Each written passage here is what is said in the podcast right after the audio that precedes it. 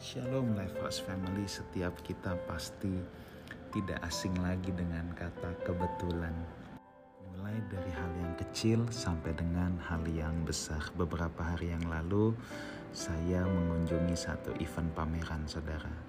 Saya tidak tahu bahwa pameran ini hanya boleh dihadiri bagi orang-orang tertentu yang memiliki undangan khusus ya saya tidak tahu harus pakai undangan jadi saya datang saja.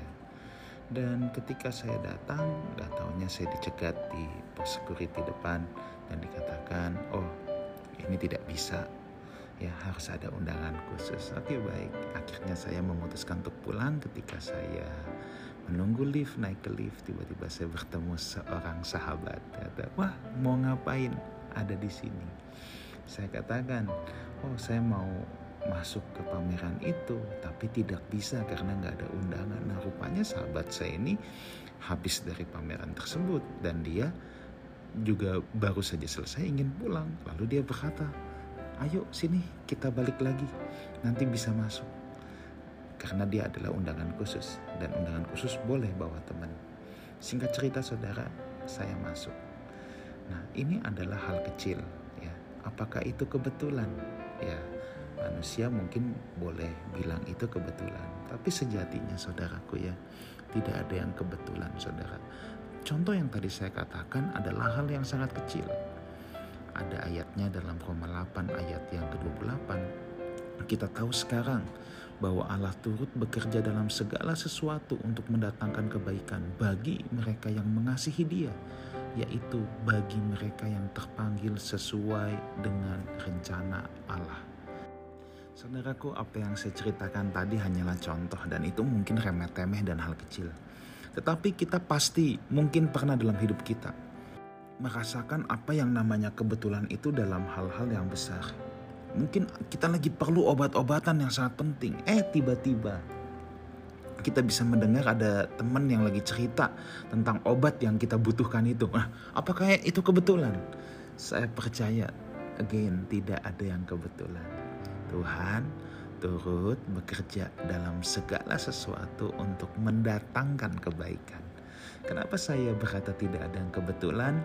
Karena saya terlalu percaya bahwa Tuhan bekerja dalam segala sesuatu. Apa yang kita pikir kebetulan itu bukan kebetulan. Itu ada tangan Tuhan di situ yang mendatangkan kebaikan. Bagi siapa?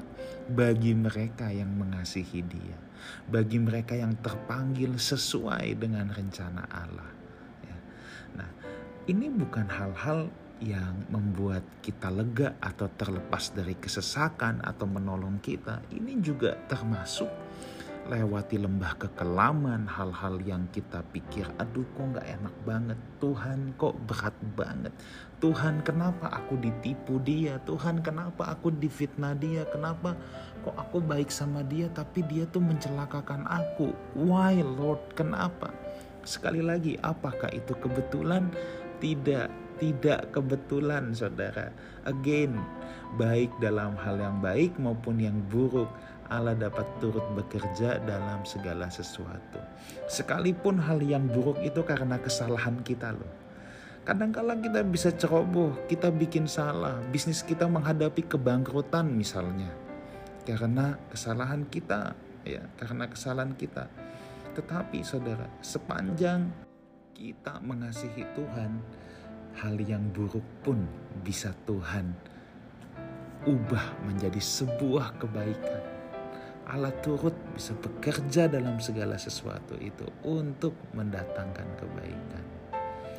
Itu sebabnya saudaraku ya, mari kita tetap hidup benar, hidup dalam panggilan Tuhan yang terpanggil sesuai rencana Allah ya dan kita percaya Allah turut bekerja dalam segala sesuatu bagi orang-orang yang mengasihi Dia. Jangan pernah mengeluh dalam hidup ini, percayalah.